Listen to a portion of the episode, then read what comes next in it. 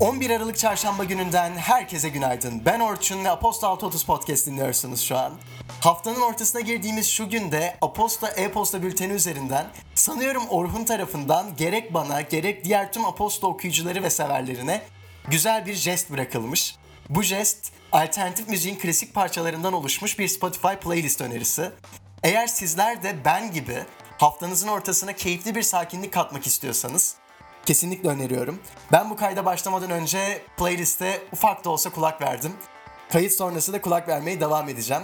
Sizlere de nacizane önerim. Elbette ki bugünün Aposta 630 podcast bölümünü dinlemeniz ardından playliste de bir kulak vermeniz. Bugün de her zaman olduğu gibi gündemin öne çıkan başlıkları oldukça kalabalık. Şimdiden keyifli dinlemeler diliyorum. Hoş geldiniz.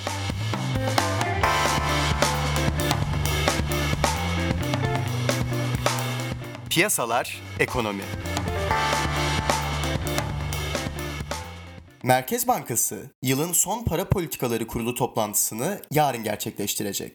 Piyasalar 100 ila 150 bas puan bandında faiz indirimi beklerken BNP Paribas 2020'de indirimlerin süreceğini öngörüyor. Deutsche Bank'ın yayınladığı bir raporda önümüzdeki yıl Merkez Bankası'nın faiz indirimi için 400 bas puanlık manevra alanına sahip olacağı tahmini yapılıyor. ABD ve Kanada'dan yetkililer, Kuzey Amerika Serbest Ticaret Anlaşması'nın yerini alacak olan ABD, Meksika, Kanada anlaşmasındaki son değişiklikleri görüşmek üzere dün Meksika'ya gitti. Üç ülke arasında gerçekleşecek yıllık 1,2 trilyon dolar hacmindeki ticareti ilgilendiren ABD-Meksika-Kanada anlaşması, anlaşma metninin son haline karar verilmesinden sonra ülkelerin meclislerinde onaya sunulacak. ABD ve Çin arasındaki ticaret savaşlarının yarattığı belirsizlik, küresel piyasaları olumsuz etkilemeye devam ediyor. Avrupa'nın 17 ülkesindeki şirketleri takip eden Stoxx 600 endeksi, pazartesi günkü düşüşünü dün de sürdürerek %0,25 ila %1 bandında geriledi. Dünya ticaretindeki gelişmelere karşı hassas olduğu bilinen Almanya borsası endeksi DAX, bölgedeki en büyük gerilemeyi göstererek %0,3 civarında düşüş gösterdi. İş dünyası, şirketler. Karaca, Alman porselen markası Weimar'ı satın aldığını açıkladı. Karaca Grubu Yönetim Kurulu Başkanı Fatih Karaca'nın hedefi ise 2020'de 22 ülkede aktif olmak. Kuruluşu 1790'a uzanan Weimar, Avrupa'nın en köklü porselen markalarından bir tanesi.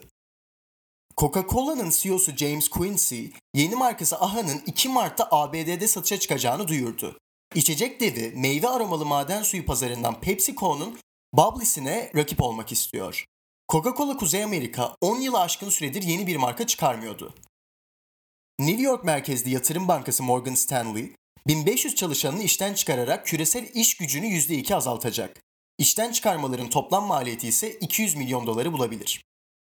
Almanya'da 2022-2023 sezonu Şampiyonlar Ligi maçları Amazon'dan izlenecek. Üst düzey spor müsabakalarıyla Prime üyeliğinin cazibesini artıran firma, İngiltere Premier Ligi maçlarını da yayınlamaya başladı. Teknoloji Startup ABD'de faaliyet gösteren elektrikli bisiklet kiralama girişimi Wheels, bisiklet tasarımına uygulama üzerinden kilidi açılabilen bir kask sistemi yerleştirdi. Walmart, robotik ve otonom araç girişimi Nuro ile anlaştı. Proje kapsamında şirket, ilk olarak Houston'da test edilmek üzere market siparişlerini içinde herhangi bir sürücü ya da gözlemci bulunmayan otonom araçlar vasıtasıyla teslim edecek.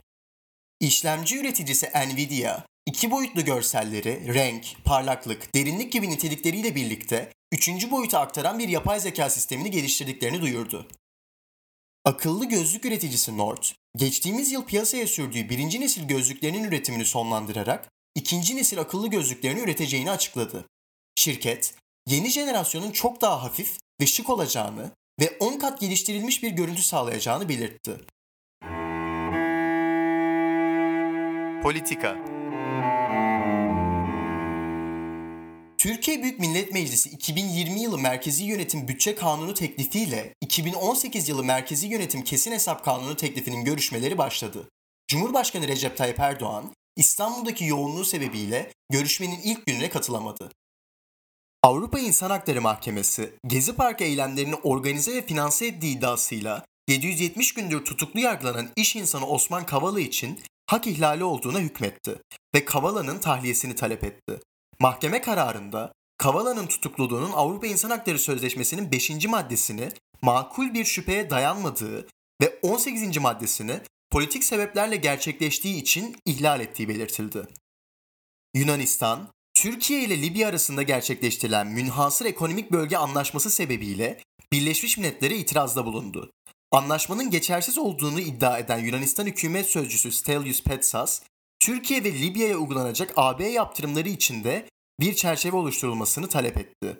Greek Reporter gazetesi, Cumhurbaşkanı Recep Tayyip Erdoğan'ın ifadelerine yer verdiği haberde, Yunanistan'ın Girit ve Rodos adaları sebebiyle sahip olduğu haklarının ihlal edildiğini iddia etti.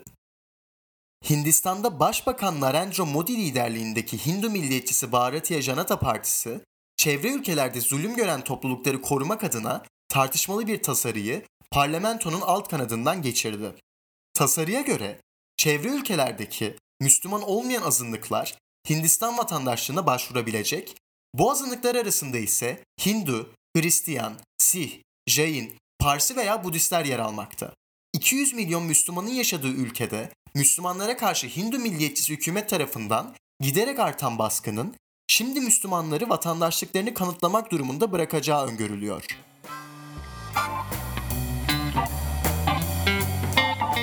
Şehir ve kültür.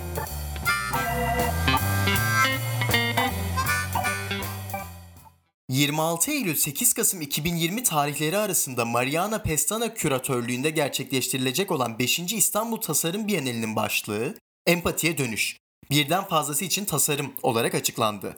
Bienal bu temayla tasarımın birbirimizle ilişkiler kurmayı sağlayan araçlara, platformlara ve arayüzlere sahip olduğu fikrinden yola çıkarak tasarımı bağlantılı olma halini aracılık eden bir unsur olarak görmeyi deniyor. İtalya Kültür Bakanı 2. Dünya Savaşı sırasında partizan olarak bilinen antifaşist İtalyan direniş hareketine adanmış bir müze kurulacağını duyurdu. Milano'da yer alacak ve İsviçreli mimarlık ofisi Herzog de Meuron tarafından tasarlanacak olan Ulusal Direniş Müzesi için 17,5 milyon avro bütçe ayrıldı. Freeze Los Angeles'ın direktörü Bettina Korek'in Serpentine galerilerinin başına geçeceği duyuruldu.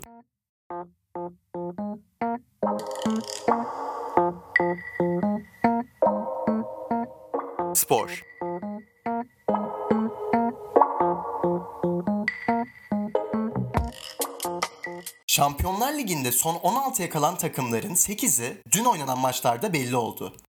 Everton'da Marco Silva'nın görevine son verilmesinin ardından teknik direktör arayışları sürüyor.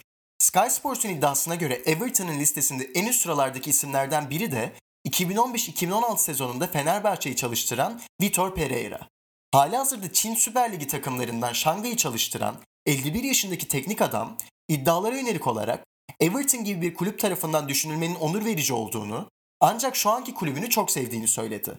Diğer yandan Everton için adı geçen bir diğer isim Arsenal'dan ayrılan Unai Emery. Calcio Mercato'nun haberine göre Emery'nin Arsenal'daki koltuğuna da Napoli'den ayrılması beklenen Carlo Ancelotti oturabilir. İsrail'de 15 yaş altı ve yıldız kategorilerinde düzenlenen Avrupa Halter Şampiyonası'nda milli sporcular Sedef Şafak, Furkan Aydın ve Enes Çelik toplamda 2 gümüş ve 5 bronz madalyayı Türkiye'ye getirdiler. Organizasyonun 4. günü geride kalırken Türkiye şu ana kadar 10 altın, 15 gümüş ve 16 bronz madalyanın sahibi oldu. Günün öne çıkan karşılaşmaları şu şekilde. Paris Saint Germain Galatasaray. Saatler 23'ü gösterdiğinde Bein Sports bir ekranlarından izlenebilir. Philadelphia 76ers Denver Nuggets. Saatler 4'ü gösterdiğinde S-Sport ekranlarında.